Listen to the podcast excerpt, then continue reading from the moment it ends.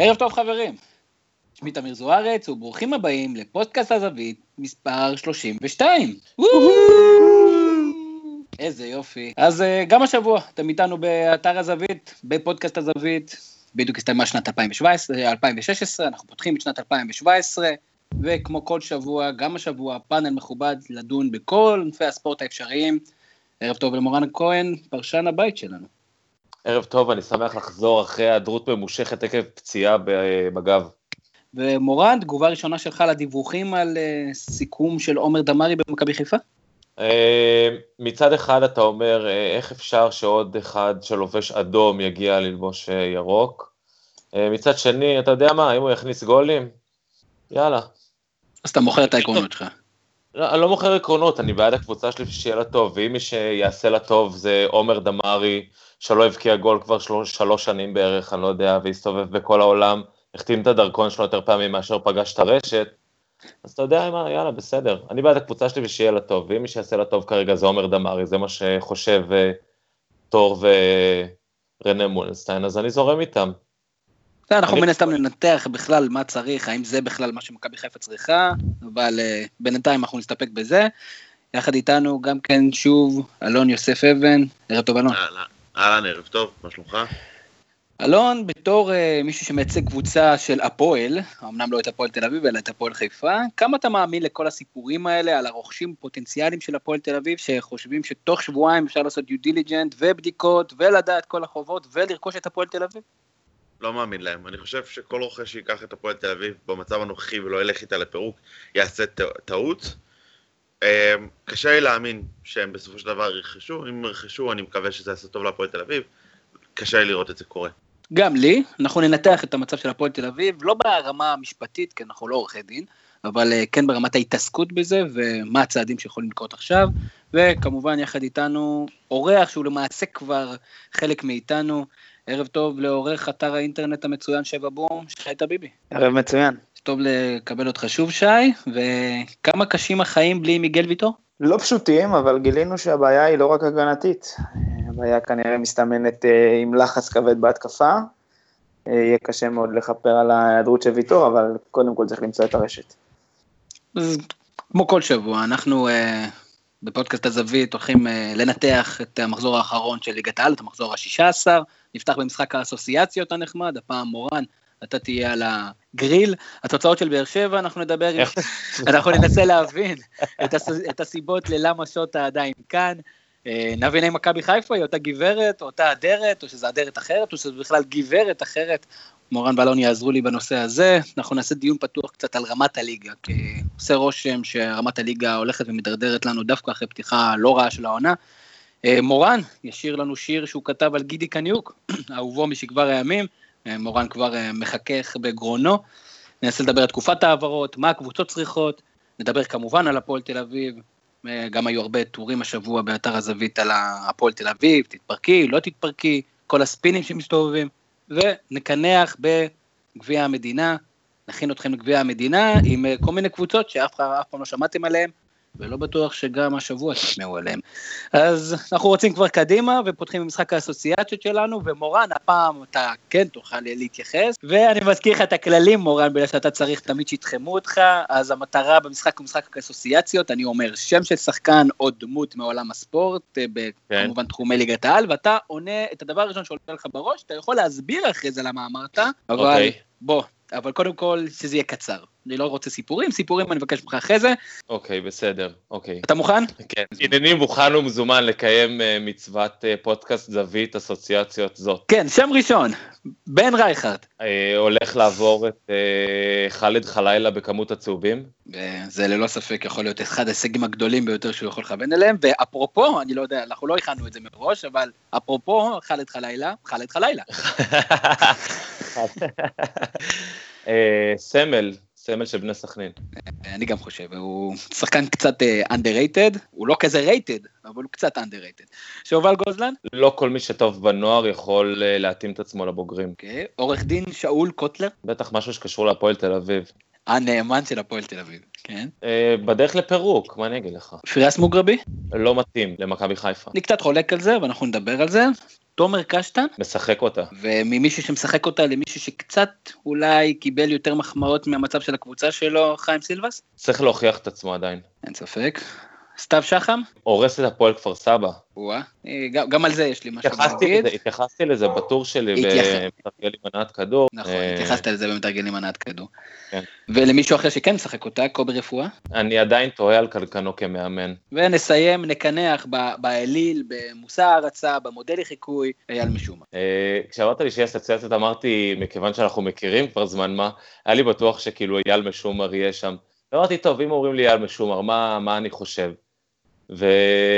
ואת התקופה של אייל משומר במכבי חיפה אה, אי אפשר לסכם במילה אחת או משפט.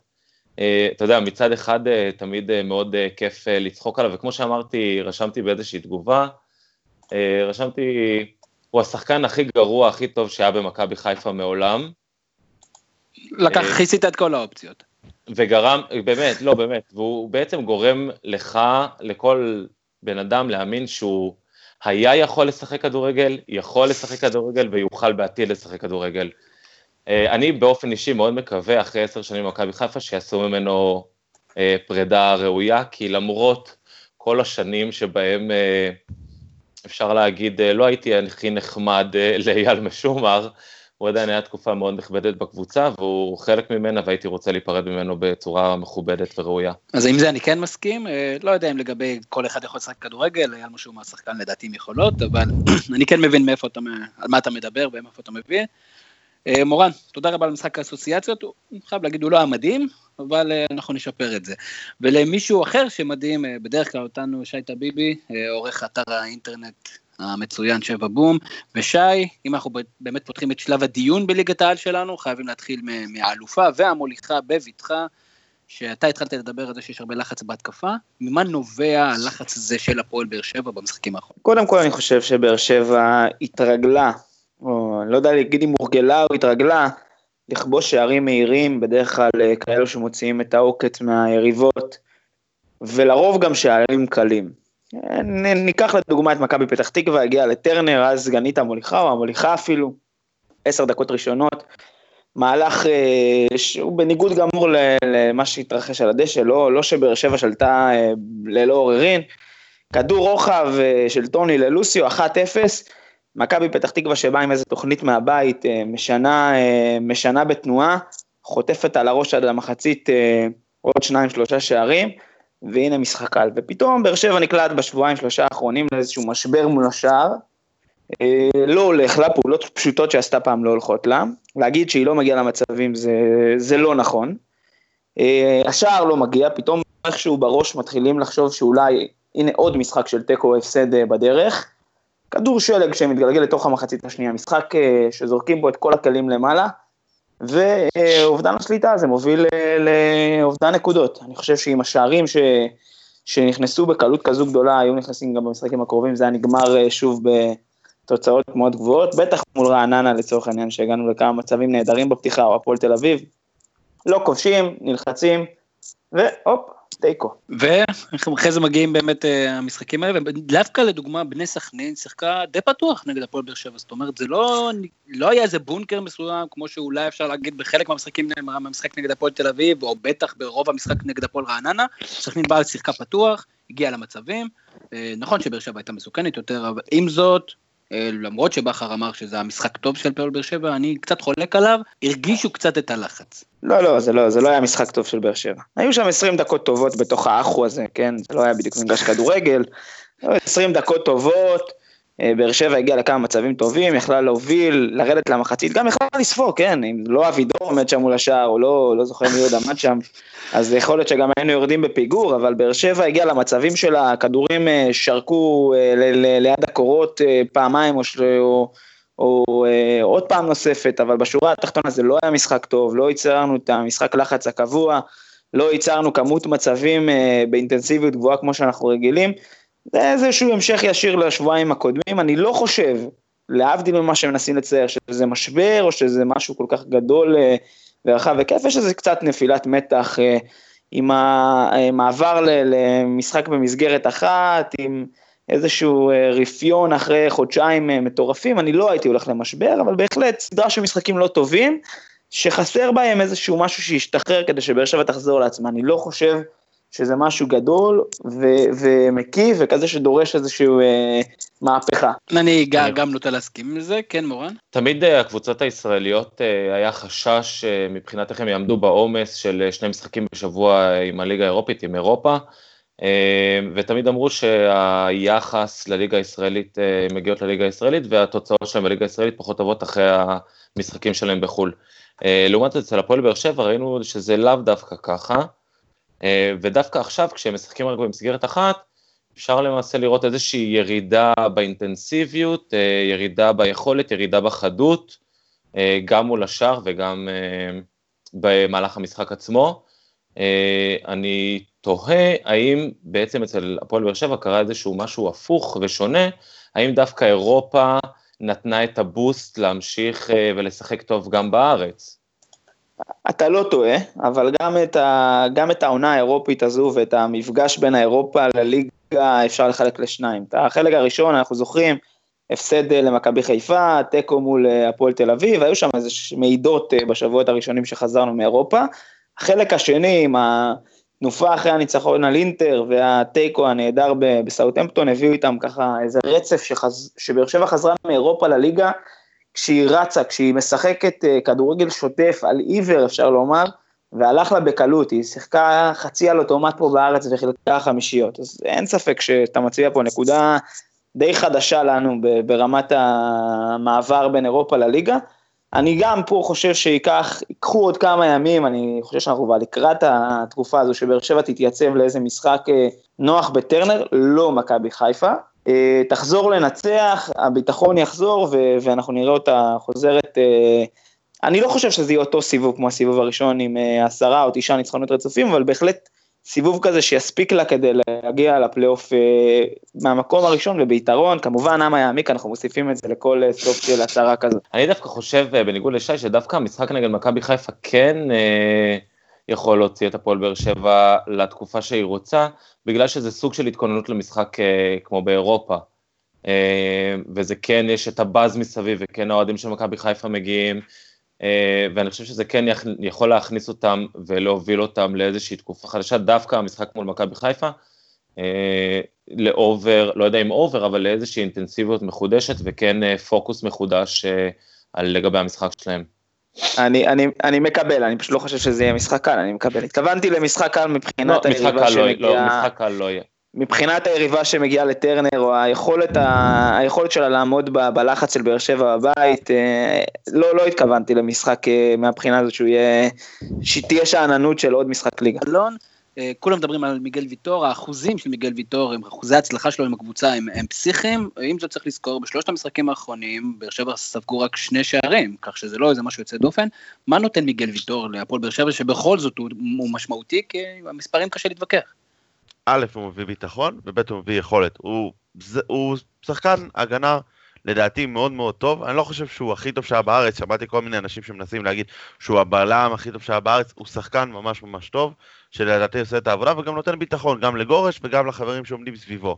זה לדעתי מה שקורה עם ויטור, אבל אני חושב שעם כל הדיון המעניין שהיה כאן בין שי לבין מורן, אני חושב שהם...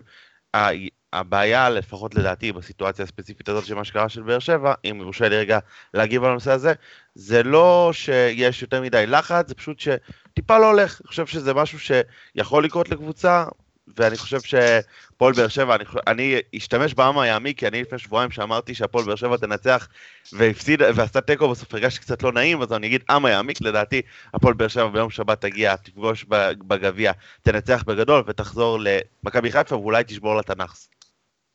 אולי, שי, אם אני חוזר אליך, משהו ש... קודם כל אתה רוצה להתייחס למה שאלון אמר? אני, אני מסכים אלון, זה, זה מתחבר לדברים שאני אמרתי, הוא לקח את הלחץ, הלחץ זה החלק השני, ברור, הוא לא הולך, ואז כשלא הולך אז נוצר איזשהו לחץ. אני חוזר לשאלה שלך על ויטור, זו שאלה מעניינת, שצריך לתת לה אה, תשובה יותר, אה, יותר, של מישהו שרואה את הדברים יותר מקרוב. הדבר הכי גדול שקרה מההיעדרות של ויטור, להבדיל מזה שאנשים רואים בו אה, מנהיג ההגנה, זה בעיקר הפגיעה בהנעת הכדור בחלק האחורי. מי שמכיר את המשחק של באר שבע אה, עם ויטור, לעומת לצורך העניין העונה שעברה עם אה, סוארס, הנעת הכדור מושתתת על שקט מוחלט שהוא אה, נותן, ותיאום מדהים בינו לבין צדק וגורש והמגנים, וההיעדרות שלו הפכה את ההגנה לכזו שלא מסוגלת להוציא את המשחק בצורה טובה ומסודרת מאחור, יש איזושהי התפזרות ואובר בעיטות וכדורים ארוכים למעלה.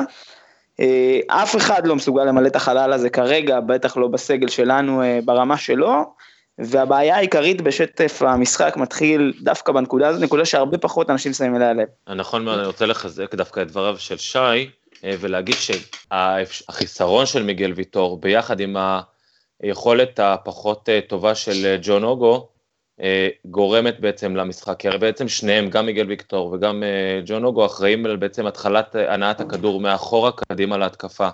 וזה החלק שהכי נפגע לדעתי בהפועל באר שבע אה, בתקופה האחרונה.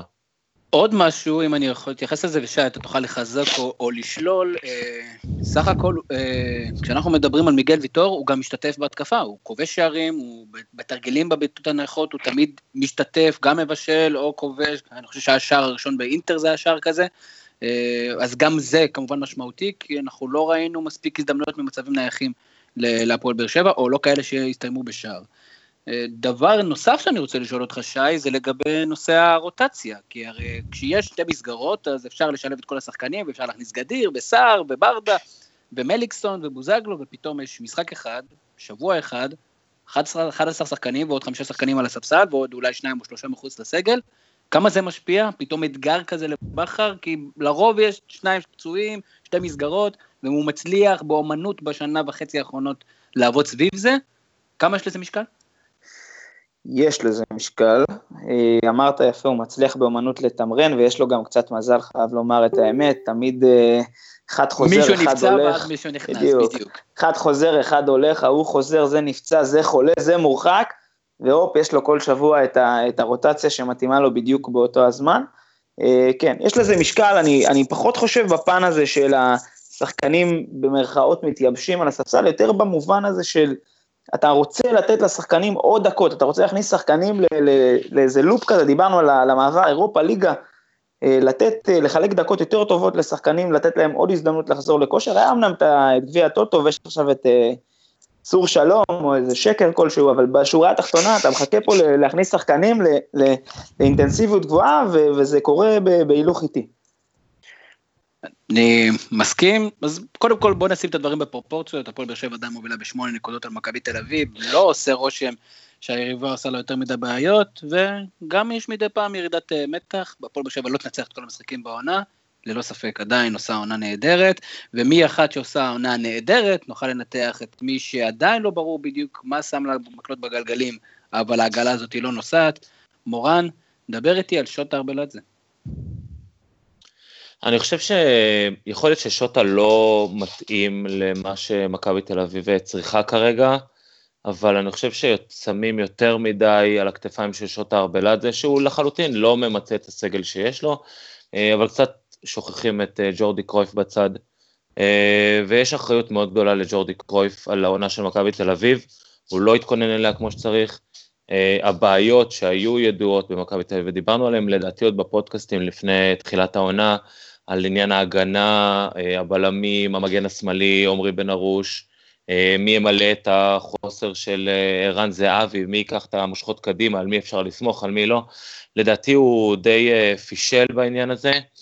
אמ, והעניינים הם, אתה יודע, העיניים יותר ממוקדות על שעות הארבלת, כי הוא זה שאחראי אה, על העמדה של השחקנים, על העמדה של ה-11, על החילופים, הוא לא נקי מטעויות, הוא לא מצליח למצות את הפוטנציאל של השחקנים הכן טובים שיש לו. אה, אני חושב שבמצב של מכבי תל אביב כרגע לכולם יש אשמה, אה, אבל בעיקר אה, צריך קצת יותר לבוא בטענות לג'ורדי. אלון, אתה מסכים עם אה, מורן? זה, זה ג'ורדי שלא נתן סגל מספיק טוב, או זה שוטה? כי אני אתמול, אני חושב, אחרי המון זמן ראיתי התלהמות מטורפת כנגד אה, שוטה ארבלדזה, אולי בצדק, אולי לא בצדק, את, את הדעה האישית שלי, דרך אגב, אה, אמרתי גם כן בפודקאסט לפני שבועיים, ומשה אבשלום היום כותב לנו טור, שהוא למעשה חמשיר ששולח את שוטה הביתה, זה, זה המצב, או שכמתבונן מהצד זה, זה פשוט יותר קל להאשים את הזר שעומד מאחורי הקווים? זה שילוב של שניהם, אבל יותר לכיוון של ג'ורדי, בגלל שבסופו של דבר מי שבונה את הסגל הוא ג'ורדי, ואני לא ראיתי תחליפים למה שמורן אמר, לא ראיתי תחליף מספיק טוב לערן זהבי שעזב. אני, הקו הגנה, כולם דיברו על קו ההגנה בשנה שעברה כמשהו שהוא לא מספיק טוב, ועדיין לא היה חיזוק משמעותי, אני אפילו לא זוכר את השם של הזר שיש בהגנה, ראינו את התיקול שלו. פיליפנקה. פיליפנקה, נכון. בלי קשר כרגע אם היה נבדל, לא היה נבדל, זה, זה תיקול חסר אחריות, זה תיקול חסר אחריות, וזה לא משהו שאני מצפה משחקן זר, זה ההפך הגמור לדעתי, דרך אגב, מוויטור, מוויטור.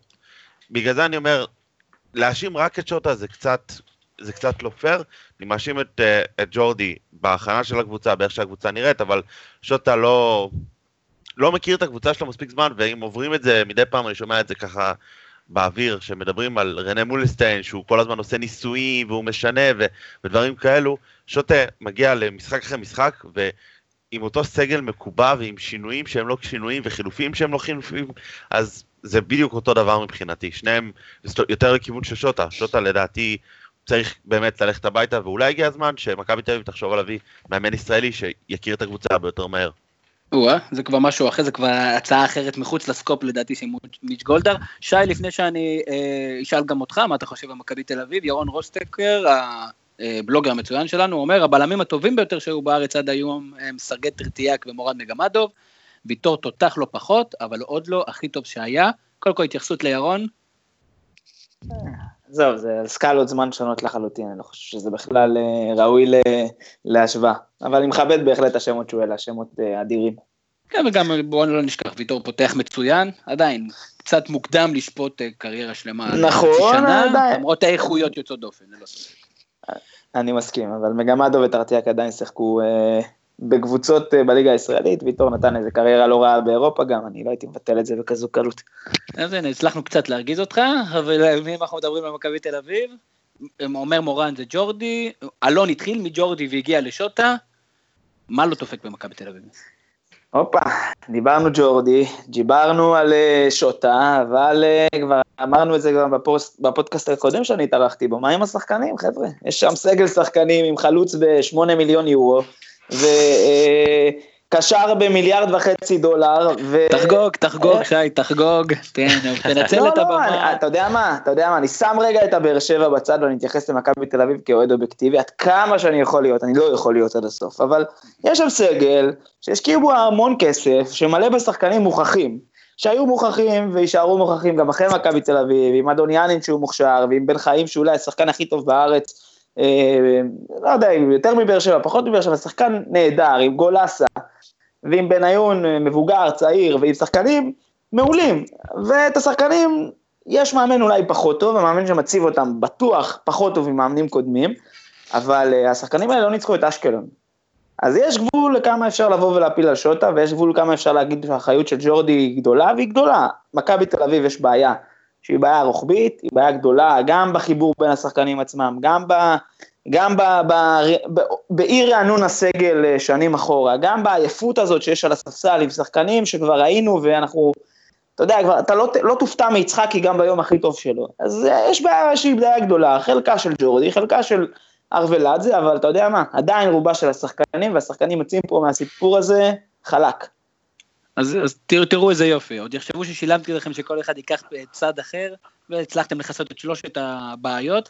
דרך אגב, בסקר שלנו לפני כמה שבועות שאלנו מה הבעיה של מכבי תל אביב, וכמובן רוב הקהל אמר שהשחקנים, אה, ערן זהבי קיבל שם איזה 15 אחוז בערך, שחשבו שהוא אשם, בעצם זה שהוא הלך. אנחנו נמשיך לדבר עם מכבי תל אביב. דרך אגב, אה, שי, נתחיל ממך, אם אתה היום מיץ' גולדהר, או ג'ורדי קרויף, האם אתה משחרר את שוטה כבר עכשיו? מצד אחד כן, האיש נכשל, אין מה, אין מה לדבר בכלל. מצד שני, אתה יודע, ינואר. אם הוא החליט שאליפות הוא לא לוקח בכל מקרה, אם הוא החליט, כן, אנחנו לא מחליטים בשבילו, אז, אז אין, אין אה, שום, אה, שום סיבה לעשות זעזוע, תן לסגל לרוץ עד סוף השנה, אולי הוא מוריד איזה הוראה מלמעלה לשתף קצת יותר צעירים, אבל לשחרר בינואר, אה, אני חושב שזו טעות. ומורן, מה שמורן חושב אנחנו יודעים. אלון? מה, מה, אתה, מה אתה חושב? מה? אני סליחה. חושב שאתה חושב להשאיר אותו, כי אם אתה אומר שג'ורדי הוא הבעיה, משמע נכון, ששוטה לא הבעיה. אבל אתה רוצה לדעת למה? בקצרה. אני חושב שג'ורדי לא ימשיך שנה הבאה, אני חושב שזה סוף הרומן בינו לבין מכבי תל אביב. אה, גם מיץ' יודע את זה, בגלל זה גם הוא לא יעשה כרגע שינוי בעמדת המאמן, או אם הוא יעשה שינוי הוא לא יביא מאמן זר במקומו. אה, תתחילו להיפרד, תתחילו לקנות ספרים של יוהאן קרויף. אוקיי, אהבתי את הקיצה בסוף שהוא מתעסק בספר יותר. אלון, מה אתה אומר? אני חושב ששוטה צריך ללכת, וכמה שיותר מהר ככה, כי לדעתי להגיד ב- בינואר שהעונה נגמרה ושאין סיכוי לקחת אליפות, שההפרש הוא שמונה אם אני לא טועה, זה לא משהו שאי אפשר לצמצם אותו, וראינו שגם באר שבע נופלת לפעמים. מכבי תל אביב קבוצה שחייבת ללכת, ללכת לאליפות, בעיקר במה שיש, ודווקא ינואר זה אחלה של זמן לעשות שינויים, שהמאמן החדש יגיע, יגיד אני רוצה א', ב', ג', ד', ולהמשיך הלאה. חייב לתת דגש על ינואר, אני, אני חוזר, אמרתי את זה כמה פעמים. ינואר זה לא זמן לעשות מהפכות. מכבי חיפה שנים אחורה עשתה מהפכות בינואר שנה אחרי, שנה אחרי שנה, ובקיץ הייתה בטוחה והתרפקה על הסגל שהיא בנתה בינואר, וגילתה שזה לא מספיק. ינואר זה זמן לפלסטר, להביא שחקן, להביא שניים, מי שהולך לעשות מהפכות בינואר, סופו אה, מועד לכישלון. אז הנה, אז עוד דקה. אנחנו, עוד דקה נתייחס לתקופת ההעברות. אה, אני חייב להגיד את הדעה שלי, אני חושב שבגלל שינואר מגיע ובגלל שהשמועות מתרבות ואנחנו מניחים שכן תהיה איזה סוג של מהפכה, למרות שכל שנה חושבים שג'ורדי הולך להביא משהו ולא תמיד הוא מצליח להביא את השחקנים שהוא רוצה, אני חושב שזה הזמן לשחרר את אה, שוטה ארבלת, להביא מאמן אחר, להבין מהי שיטת המשחק שלו, אמיתית אני לא יודע עדיין מה שיטת המשחק של שוטה, ואז להביא שחקנים מתאימים. שנייה לפני שאני אתן לכם להתייחס לחלון העברות, אני רוצה לצטט את האביב שושן שכותב לנו, שאם האם יש מקום בכלל לחלון העברות באמצע העונה, או שאולי בניית הקבוצה בקיץ, ובנית את זה בקיץ, ועם זה אתה צריך להסתדר, אולי יותר צריך אה, לחשוב על להשקיע ברכש, ולא אווירה של אוקיי, נביא מישהו בינואר ואז מקסימום נחליף אותו. אביב, תודה רבה על אה, ההערה הזאתי. שי, נתחיל איתך כי אתה התחלת. מה צריכה מכבי תל לעשות בינואר? כי אתה אומר, מהפכות לא יהיו פה, ואם אפשר להתייחס באמת גם להערה של אה, אביב, לגבי האם בכלל צריך חלון העברות בינואר, כי זה סוג של פלסטר. קודם כל צריך, אני, אני מחובבי חלון העברות, ומלפפונים זה תמיד מרגש, אז צריך כמובן. מה גם שצריך לתת לקבוצות את ההזדמנות, אה, גם לקבוצות וגם לשחקנים אסור לשכוח את ההזדמנות אה, להתרענן, לרענן, להתחיל פרק חדש, לשחקנים אה, שבסוף זו הפרנסה שלהם, וזה גם התחביב מצד שני, אבל הם צריכים לקבל הזדמנויות במקומות אחרים אם לא קיבלו. לגבי מכבי תל אביב בינואר, תשמע, זה...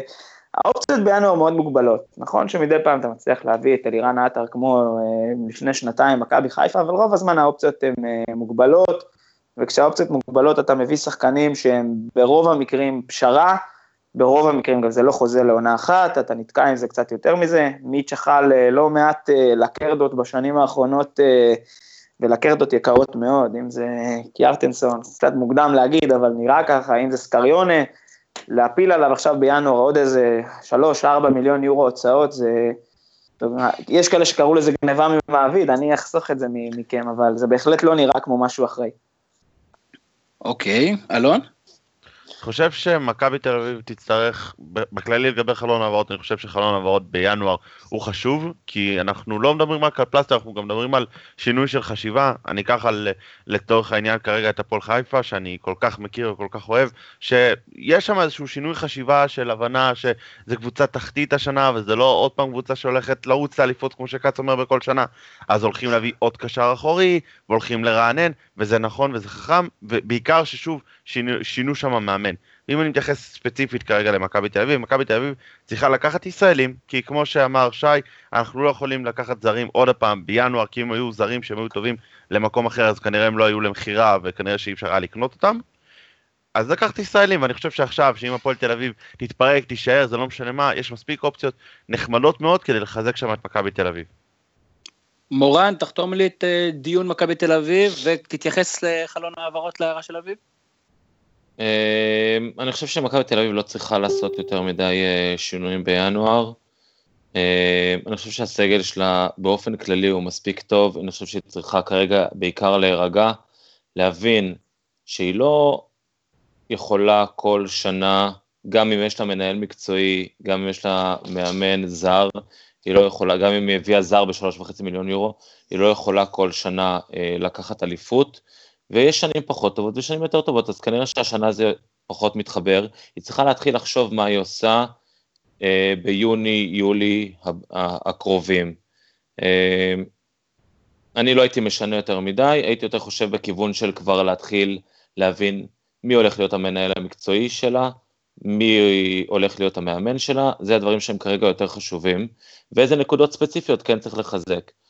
Uh, לגבי חלון העברות של ינואר, באמת כמו שאמרו כבר לפניי, זה באמת יותר עניין של uh, סתימת חורים, ואני uh, באופן כללי מאמין שהוא טוב, לאו דווקא בשביל הקבוצות, אלא גם בגלל השחקנים, שהרבה פעמים מגיעים לקבוצות מסוימות ולא בדיוק מוצאים את עצמם ולא מסתדרים, וזה נותן להם איזושהי אפשרות גם לצאת ולמצוא קבוצה אחרת ולשחק בה, אה, שזה מאוד חשוב מבחינתי, אה, שגם השחקנים ייהנו מהמקומות שהם נמצאים בהם וישחקו ויביאו את היכולת שלהם לידי ביטוי, ולא רק אה, הקבוצות מה הן צריכות למעלה.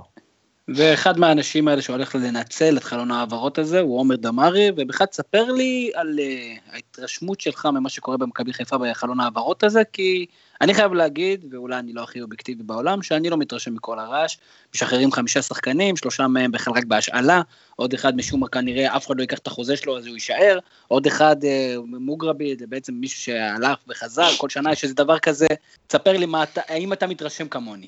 אני, אני רוצה, זה, צריך להתחיל קצת לפני. מכבי חיפה עוברת איזשהו תהליך. עכשיו אני מבין שאנשים uh, בישראל uh, מאוד סקפטיים uh, כשאומרים להם את המילה תהליך, ומאוד uh, לגלגנים לגבי המילה הזאת, אבל באמת מכבי חיפה בחמש שנים האחרונות, אפילו יותר, גם uh, עוד לפני זה כשלקחנו אליפות עם אלישע, הליגה פשוט הייתה מאוד גרועה, נמצאת באיזשהו מצב של uh, קיבעון, הייתה נמצאה באיזשהו מצב של קיבעון מחשבתי, אה, היא חשבה שלא משנה מה היא תעשה, היא תצליח, והתברר לה שזה לא ככה.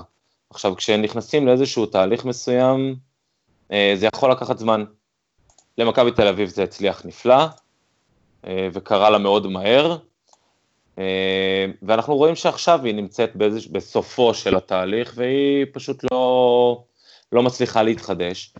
אז למכבי חיפה, יכול להיות שזה ייקח שנה, יכול להיות שזה ייקח שנתיים, לי באופן כללי כאוהד מכבי חיפה, לי יש את הסבלנות, כי אני מבין מהחיים שלי ומהניסיון שלי, שדברים לא תמיד מסתדרים לפי איך שאנחנו רוצים. יש מנהל מקצועי, יש מאמן, יש בעלים, הם מארגנים את זה כמו שהם מבינים. יכול להיות, צריך גם לזכור שמולנשטיין הגיע אה, באוגוסט, או סוף יולי, או תחילת אוגוסט, משהו כזה, אה, והוא לא בדיוק אה, קבע את הסגל. אה, הוא לא רכש את השחקנים, הוא לא ראה אותם, הוא לא התייעץ, טור לא, התייעץ, לא התייעץ איתו לגביהם. יכול להיות שהוא באמת הבין שיחד עם טור ויחד עם יעקב שחר, שהשחקנים האלה לא מקדמים את מכבי חיפה לשום מקום. היו לו ניסיונות עם ריאן, היו לו ניסיונות עם מוגרבי, היו לו ניסיונות עם גוזלן, משומר בכלל היה פצוע כל התקופה הזאת, ואנחנו יודעים בדיוק מה מעמדו ומה היכולות של משומר. אה, אני דווקא די בעד כל העניין הזה. אה, יכול להיות שזה יגרום לזה שמכבי חיפה אה, תהיה אולי קצת פחות, או אולי קצת יותר קצרה, קצת פחות טובה במשחקים שלה, אבל אני בעד. שי, שי, מורן עדיין נמצא בערך הדבש עם אה, רנה מולינסטיין, ובאמת הוא פתח בצורה מעניינת, והוא יודע להתמודד יפה עם הקבוצות הגדולות, שהן בסך הכל בערך שתיים או שתיים וחצי, אבל מתקשה מאוד מול קבוצות אחרות, יכול להיות שזה ציוות השחקנים, אבל עושה רושם שגם כן לא ממש, השיטה לא תמיד מותאמת בצורה נכונה. איך אתה מתרשם מהמכונה הירוקה בינתיים, שאני לא בטוח שצברה יותר נקודות מאשר השנה הקודמת. לא בדקתי סטטיסטית, אבל אני כמוך לא בטוח שהם צברו יותר נקודות. איך אני מתרשם? טוב, נגדנו הם תמיד טובים, אז אני, מה, מה, כן, מהזווית הזו, אה, זה מאוד, מהזווית הזו קצת קשה לי לתת את ה... זה מאוד עקבי הסיפור הזה. נכון, אבל שורה תחתונה אמרת לבד, לא, לא רואים פה איזשהו שינוי גדול, אני סומך על מי שהולך למשחקים ואני שומע לא מעט אנשים מרוצים. אה, אני קצת מופתע מכל מיני מהלכים שקורים בימים האחרונים. א', קראתי היום שחזרנו לתקופת המנודים, ברוך הבא, מנודים 2017, שום דבר לא השתנה במכבי חיפה. ב', אסמאעיל ריאן לפני שבועיים הוא המגן הכי טוב בכדורגל הישראלי ושחקן נבחרת בפוטנציה. שבועיים אחר כך הוא משוחרר, יש פה איזה משהו קצת לא עקבי, אני לא יודע איפה הוא מתחיל, הוא מתחיל במולנסטיין. שי, סליחה רגע, השאלה מי אמר את זה, אם אתה מסתכל, התקשורת, אה, משחק אחד, אתה יודע, נגד אה, אשקלון זה היה שהוא שיחק אה, קו... אתה יודע מה, אני, אני, אני, אני מקבל את דעתך. יכול להיות ש... זה לא... כי היה את הניסיון הזה עם ריאן גם עוד שלושה משחקים אחר כך, וזה פשוט היה רע. אני מסכים, יכול להיות, יכול להיות שאתה צודק, ויכול להיות שאת הדברים האלה התקשורת אומרת, ויכול להיות שזה דברים שנראים לי מהצד אה, מוזרים, אבל יש להם הסבר רציונלי כשאתה מסתכל על זה מזווית של אוהד. כרגע במכבי חיפה השינוי לא גדול, אני לא רואה כאן איזושהי בנייה אה, קדימה בצורה שאני מתרשם ממנה אה, יותר מדי, גם מדיבורי הרכש, אני לא מכיר את הבלם, יכול להיות שהוא באמת נהדר. דמארי זו חידה כמו ששכטר ועטר היו חידות שהגיעו, אחת נפטרה, אחת עדיין אה, צוללת באופסייד ברחבה. אנחנו לא כל כך מבינים לאן פניה של מכבי חיפה מועדות, דיבורים על, על נוער ו, ו, וזנטי, ושבוע אחר כך זה, זה יונתן כהן, אני לא מצליח להבין מה הקו. אולי אני אבין מה הקו בקיץ, כשמולנסטיין באמת יקבל את ההזדמנות לבנות את הקבוצה הזו מאפס, אבל כרגע זה, אני לא רואה שינוי מרחיק לכת, אבל שוב, זה מהדרום. אני חושב שההדחה של אה, רוני לוי הראתה ש... רק תור קרלסן קובע מי יהיו השחקנים, ולאו דווקא רנה מולינסטיין, כמובן שהיה רוני לוי עניינים אחרים. בינתיים אם אנחנו נכנסים אה, ללייב שלנו, אנחנו רואים שליאור ציטרשפילר, שבדרך כלל מתארח פה, מזכיר גם את רומן פץ כאחד מהבלמים הגדולים, בסדר, לא אמרנו שאין עוד בלמים גדולים, אבל יפה שאתם מגיבים. אה, ברק קורן, שהוא גם כן האיש שאחראי על כל הסיפור פה, אומר שמכבי תל אביב צריכה את טלב slash את אה, דוד זאדה. לא יודע, תספר לי שי, מה עושה דוד זאדה בגן? דוד זאדה בגן עושה, עושה לעצמו כרגע בעיקר אה, בושות. הוא עלה למשחק אחד לדעתי, המשחק הראשון שהוא שיחק בו, הוא הורחק אחרי משהו כמו 20 דקות. אה, יותר מדי הוא לא משחק, אבל ייאמר לזכותו, ואני חייב להגיד לזכותו, כי אני חושב שהוא שחקן טוב מאוד. זה שהוא לא צוות שם בתפקיד הקבוע שלו, והוא משחק שם בלם, הם בכלל משחקים שלושה בלמים, אז לא ברור מה הם הביאו אותו. זה מנפלאות דודו דהן, מי שרוצה לבדוק מה דוד זאדה עושה שם, שיתקשר לדודו. לא מאוד סנטר, מסקאוט פוש. זה לא עניין של... זה לא עניין של מה, למה הם לקחו אותו, זה עניין של למה הוא הלך לשם, ודיברתי על זה לפני כמה שבועות אה, בטור שלי, שהשחקנים צריכים לבחור יותר טוב לאיזה קבוצות הם מגיעים בהקשר של עומר אצילי ואולי היציאה לחו"ל אה, הקרובה של גידי קניוק, שהם צריכים לבחור טוב טוב לאיזה קבוצות הם מגיעים ולהבין איך הקבוצה משחקת, באיזה מערך, זה מערך, זה, כל העניין של יציאה לחו"ל הפך להיות אה, משהו הרבה יותר, אה, איך נגיד את זה, אולי אה, קשה לניבוי נגיד, אה, זה תמיד היה קשה לניבוי, אה, ותמיד אה, זה, גם כשאבי נימני... לא, אבל פעם... זו הייתה החלטה כנראה לא מושכלת, ועם זאת, אתה לא יכול להגיד לא. אז כן, תשמע, אני אומר לשחקנים, אל תיקחו דוגמה מאקסל ויצל, שהולך לכל קבוצה שמציעה לו יותר כסף פשוט, ולא משנה לו איפה היא משחקת, אלא תהיו קצת נאמנים גם לעצמכם, ותרצו להצליח. אני חושב שאבל זה תלוי במה השחקן רוצה, אם השחקן בא לשחק כדורגל או לעשות כסף טוב, כי לצורך העניין, אתה יודע, הוא הלך שם ל-50 מיליון יורו אם אני לא טועה, משהו כזה, זה סכום שאתה לא יכול להגיד לו לא. במקרה של דוד זאדה לא מדובר בשדרוג כלכלי. אלונה הציעה להשוות את השכר, השכר הוא סביבות ה-300-350 אלף יורו, לא משהו שלא מקבלים פה בארץ בקבוצות הגדולות. נכון, בדיעבד אנחנו חכמים להגיד שהוא עשה טעות, קבוצה ששיחקה שנה שעברה בליגת האלופות, והעונה גם עושה עונה אירופית יפה, משחקים בה ישראלים, לא, לא בטוח שכולנו היינו דוחים על הסף הצעה כזו. זה שהמערך לא מתאים, אה, אתה יודע, זה דברים שלפעמים אתה חושב שאתה כן תצליח למצוא את עצמך שם כאיזה קשר קו. קצת מפתיע בהקשר של דוד זאדה, שחקן שאולי בישל שני גולים בקריירה, אבל זה עניין אחר לגמרי. העקיצות נמשכות מהצד של שי טביבי. יופי של דיון, דרך אגב, גם אה, משה אבשלום. המאזין שגם כתב את הפוסט הלפחות מצחיק, שוט עליך הביתה, מצטרף אלינו ושולח אלינו לבבות, ונעבור מלבבות לרובים ושושנים, יותר רובים. ואלון, אני מתחיל איתך, הפועל תל אביב, כמובן בכותרות, זה פתאום הגיע באיזה גל, והתחלנו לשאול אותך, אמרת שהרוב הדברים זה ספינים, ואני רוצה שתתעמק קצת, מה הפועל תל אביב צריכה ללכת לעשות, והאם בכלל אתה חושב שהיא הולכת להתפרק, או פשוט uh, לעשות בושות עד שהיא תרד ליגה? כי כרגע זה נשמע שתי האופציות היחידות. הפועל תל אביב לדעתי צריכה לחשוב על פירוק ובנייה מחדש. החובות שם הם כל כך גדולים שאף אחד, אף עורך חשבון, לא משנה עד כמה גדול הוא יהיה, לא יודע להעריך כמה גודל החובות, כי יש את התביעות ויש התעסקות שוב משפטית, אין לי כל כך ידע אז אני ככה ניזון מהתקשורת. גם כל יום מגיעה תביעה חדשה, כל זהו, יום. בג- אז, בגלל זה אני גם אה, אומר. אנחנו אפילו באחד מהפודקאסטים האחרונים שאלת הבונוס הייתה, מי הולך לתבוע את הפועל תל אביב? דרך אגב, הכי, התשובה המוצלחת ביותר הייתה שי טביבי, שאמר שהוא הולך לחזור ואז לתבוע אותם אחרי זה שבועיים עם צ'קים דחויים. אז מה המצב? כאילו, מי בכלל יודע מה מה הם סכום החובות של הקבוצה הזאת? בגלל זה אם אתה הולך לפירוק, על פי מה שאני לפחות הבנתי, החובות בארץ נמחקים או מתקזזים, לא בדיוק הבנתי איך זה קורה, ומה שקורה זה ששחר החובות בפיפא. אז אם החוב, החובות בפיפא לצורך העניין הם עשרה מיליון, אז משקיע עתידי עדיף לו להשקיע עשרה מיליון, אבל עכשיו לצורך העניין, שמדברים על השקעה, מדברים שעכשיו הם ישקיעו שבע מיליון לעונה הזאתי, ואחרי זה יתחילו לדבר. אני לא מבין את כל העניין הזה של רצון להציל את הקבוצה בכל מחיר, אני חושב שבנייה מחדש יכולה לעשות רק טוב לקבוצה, והם יכולים לקחת כדוגמה, שוב, אני לא חושב שזה הדוגמה הכי מדויקת, אבל יכולים לקחת לדוגמה את מה שקרה עם מכבי נתניה, שהם כן עשו איזושהי בנייה מחדש, וממינוס תשע בליגה הלאומית, היום במקום הראשון, אחרי ניצחון אתמול מרשים על הפועל עכו. מורן, אתה בתור אחד שמאוד חובב את, הליגה, את ליגת העל שלנו, למרות אה, מצבה ורמתה, תעשה לי שלט פרסומת, למה לבעלים בכלל לקחת קבוצה ישראלית? אני באמת, אני באמת לא יודע. אני באמת, תעזור לי. בוא בוא ננסה לעזור למוצר. אה, תשמע, מה שזה מביא, זה מביא פרסום, אוקיי? זה הדבר היחידי שזה מביא. אה, כי מיד אה, מצייצים עליך, כותבים עליך, יש לך תמונות, אתה יודע, רק אה, יוחננוף, אה, האחים לוזון אה, דיברו בארוחת ערב את מי אנחנו יכולים להביא, אמרו, אבי לוזון אמר, אה, יוחננוף מהשופטים, אין בעיה, הוא נותן כסף לשופטים, בוא נביא אותו. ישר תמונות עם הסופרים, ישר זה, אתה יודע, כולם כבר שמעו עליו, כולם יודעים מי זה יוחננוף, איפה הוא גדל ומאיפה הוא מביא את הכסף שלו, ואפילו למי הוא מצביע בבחירות.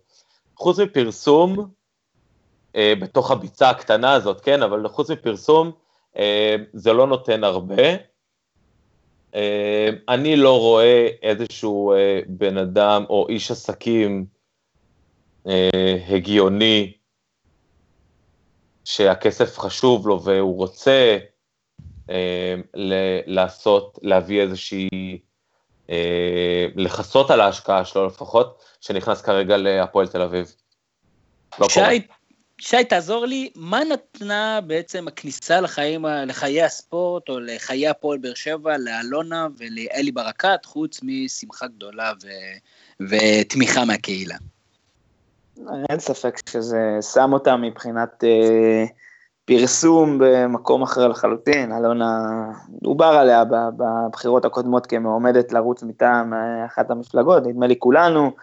אלי זה דמות אה, שמעבר להיות אח של אה, ראש עיריית אה, ירושלים, הוא גם דמות שעומדת בפני עצמה, אבל אה, אצלם אולי גם אפשר להגיד שבשנה האחרונה העסק קצת מתחיל אה, לשאת פירות. בגדול זה בעיקר אה, פרסום והנאה, אני לא חושב שיש פה יותר מזה. אפרופו הנאה, אלון, אני חוזר אליך, יואב כץ, אתה חושב שהוא נהנה מלהיות הבעלים של הפועל חיפה? כן, הבן אדם חובב פרסום מושבע, אני חושב שהוא לא חלם בחיים שלו שהוא יקבל כל כך הרבה פרסום ושכל כך הרבה ידברו עליו.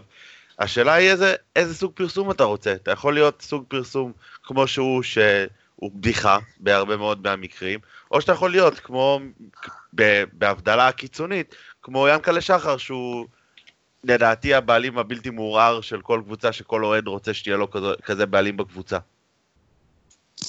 ואז אם אני חוזר שוב להפועל תל אביב, ההימורים שלכם חברים, כי זה כל מה שיש לנו לעשות כרגע, להמר, תאריך הסיום שקצב אה, השופט הולך ומתקרב, מה, א- איך מסיים את הפועל תל אביב את השנה הזאת?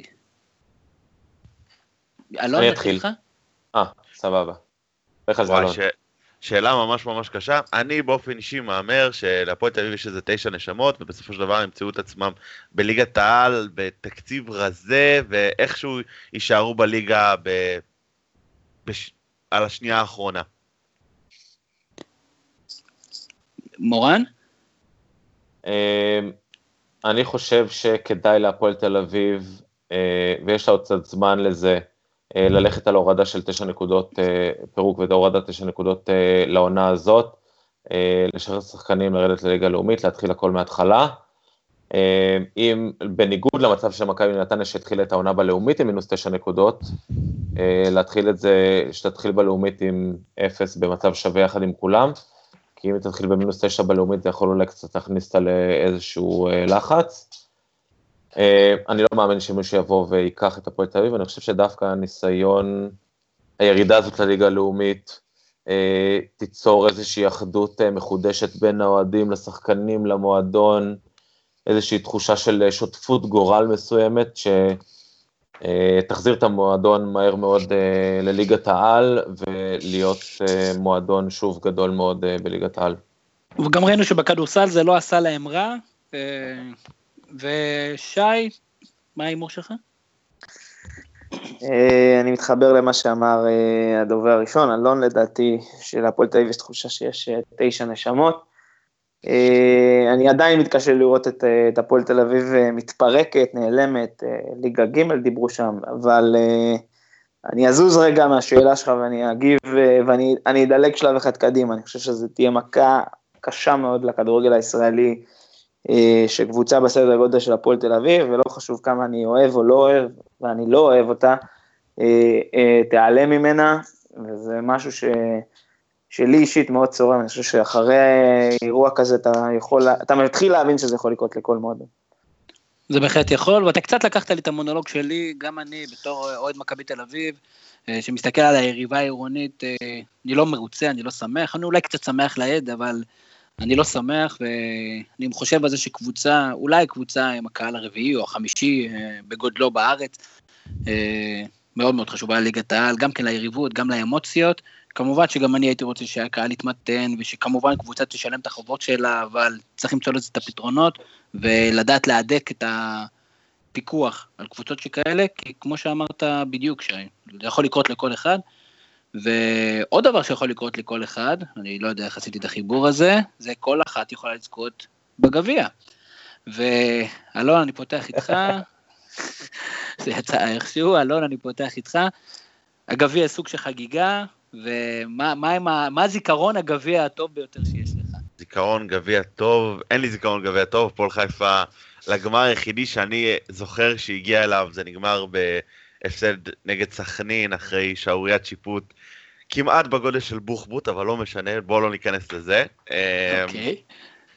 אני, אין לי זיכרון גביע בתור אוהד הפועל חיפה, אני חושב שהזיכרון גביע שאני, איכשהו היה לי כיף לראות אותו, זה את הפועל רמת גן, שאז הייתה בלאומית, או ירדה ללאומית, אני לא בדיוק... היא בדיוק ירדה באותה שנה ללאומית, והדיחה בחצי הגמר את מכבי תל אביב, ובגמר קבוצה שאם אתם רוצים תדברו עליה.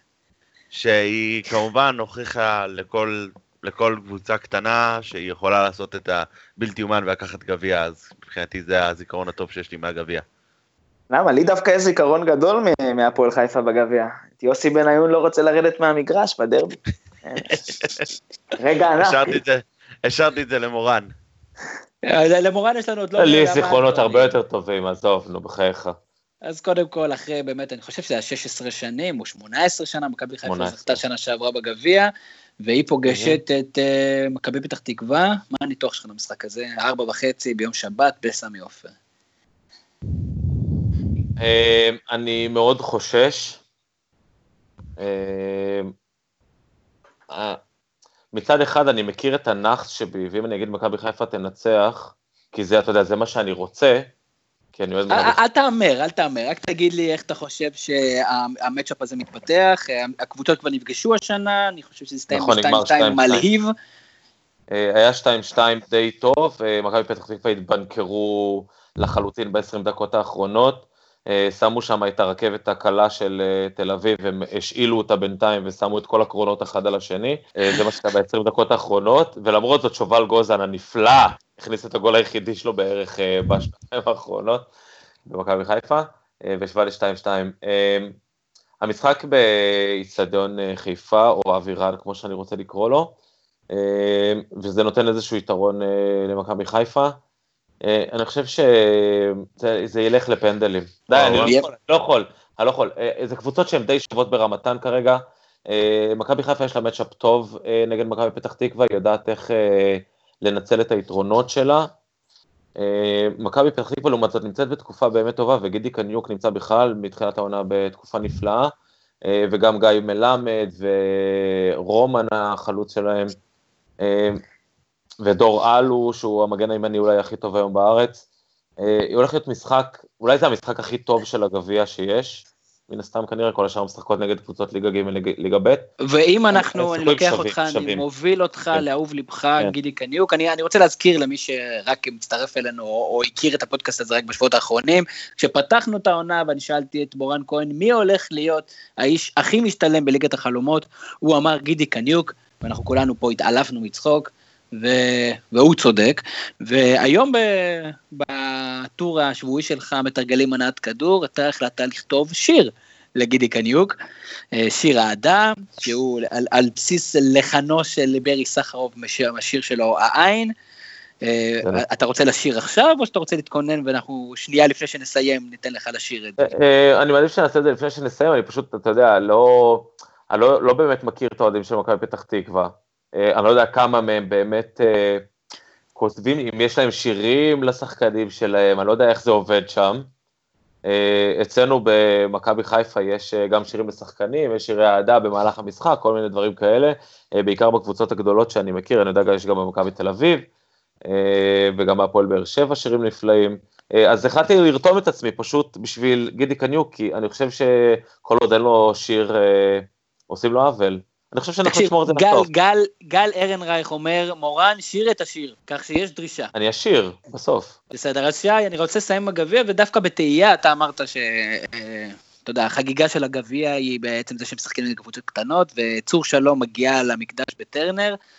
האם אתה חושב שעדיף שקבוצות קטנות כאלה יערכו במגרשם, זאת אומרת שהגרלה תהיה סוג של הגרלה שבמידה ואתה קבוצה מליגה נחותה, אתה צריך לארח אצלך בבית כדי שזה יהיה הפנינג יותר גדול, או שאתה אומר, שיגיעו לטרנר, יצלמו כמה תמונות ויחזרו עם חמישייה. בלי ספק. אני חושב שאם אתה רוצה להגדיל את התחרותיות, עוד איכשהו לתת סיכוי כלשהו לקבוצה קטנה אה, להפתיע, זה במגרש שלה, בממדים שלו, בתנאים שלו, אני חושב שקבוצה אה, בסדר גודל כזה שמגיעה לטרנר או לסמי עופר, אה, מפסידה רק מהסלפי על הדשא, ואני רוצה רגע להתייחס לגידי קניוק, כל פעם שאתם אומרים את השם גידי קניוק, הוא בחשבון שהמחיר שלו עולה בעוד 200 אלף יורו. בדיוק. בשירות אבי לוזון. בהחלט, דרך אגב, אה, ואולי אנחנו יכולים לפרסם את זה כי זה קצת נחמד, אה, מורן כתב את הטור ופרסם אותו כמובן, ואז אבא של גדי קניוק של גידי קניוק אה, פנה אליו ואמר לו, תקשיב, זה שיר גדול ואתה צריך לבוא ליציע ולעזור לנו, ומורן עדיין לא יודע איך להסביר לו שהוא לא אוהד של מכבי פתח תקווה. סיפור אמיתי, ואנחנו בהחלט אה, מברכים על כך, ואנחנו נשמח גם לארח את אה, גידי, ואתה יודע, לעשות כזה חיים שכאלו כאלה. שבהם הם מתחבקים בהילוך איטי. תודה רבה באמת חברים על הדיון הארוך והמרתק הזה על ליגת העל. שי טביבי, עורך של אתר הספורט המצוין, שבע בום, שי, כרגיל תענוג. אלון אה, יוסף אבן, כרגיל תענוג לשמוע אותך, לראות אותך ולראות איך אתה אופטימי שהפועל חיפה נושמת לאוויר אה, מרכז טבלה. תמיד כיף להיות פה. אה, כמובן אנחנו נמשיך לארח אותך, ושנייה לפני שניפרד מורן כהן, מורן, הבמה שלך. אוקיי, זה לפי השיר העין של ברי סחרוף, אם אתם לא מצליחים להבין את המנגינה, תיכנסו אחרי זה לשיר, זה שיר נפלא בפני עצמו, תאזינו לו, תבינו איך זה הולך. זה הולך ככה.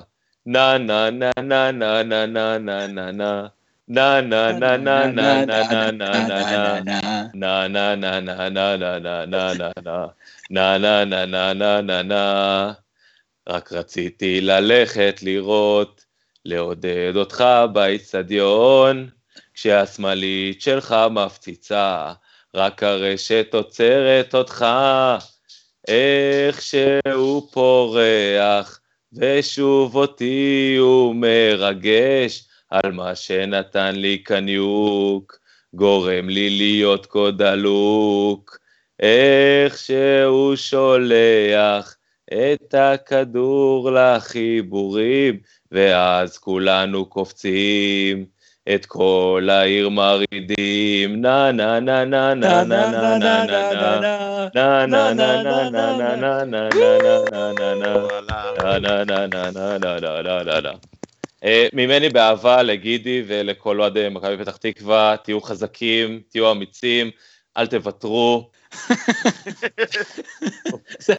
מורן כהן, כל הכבוד, חמישה כוכבים על אומץ, דרך אגב, לא שמת לב, אבל אף כיסא מהשופטים לא הסתובב, משמע אתה מודח,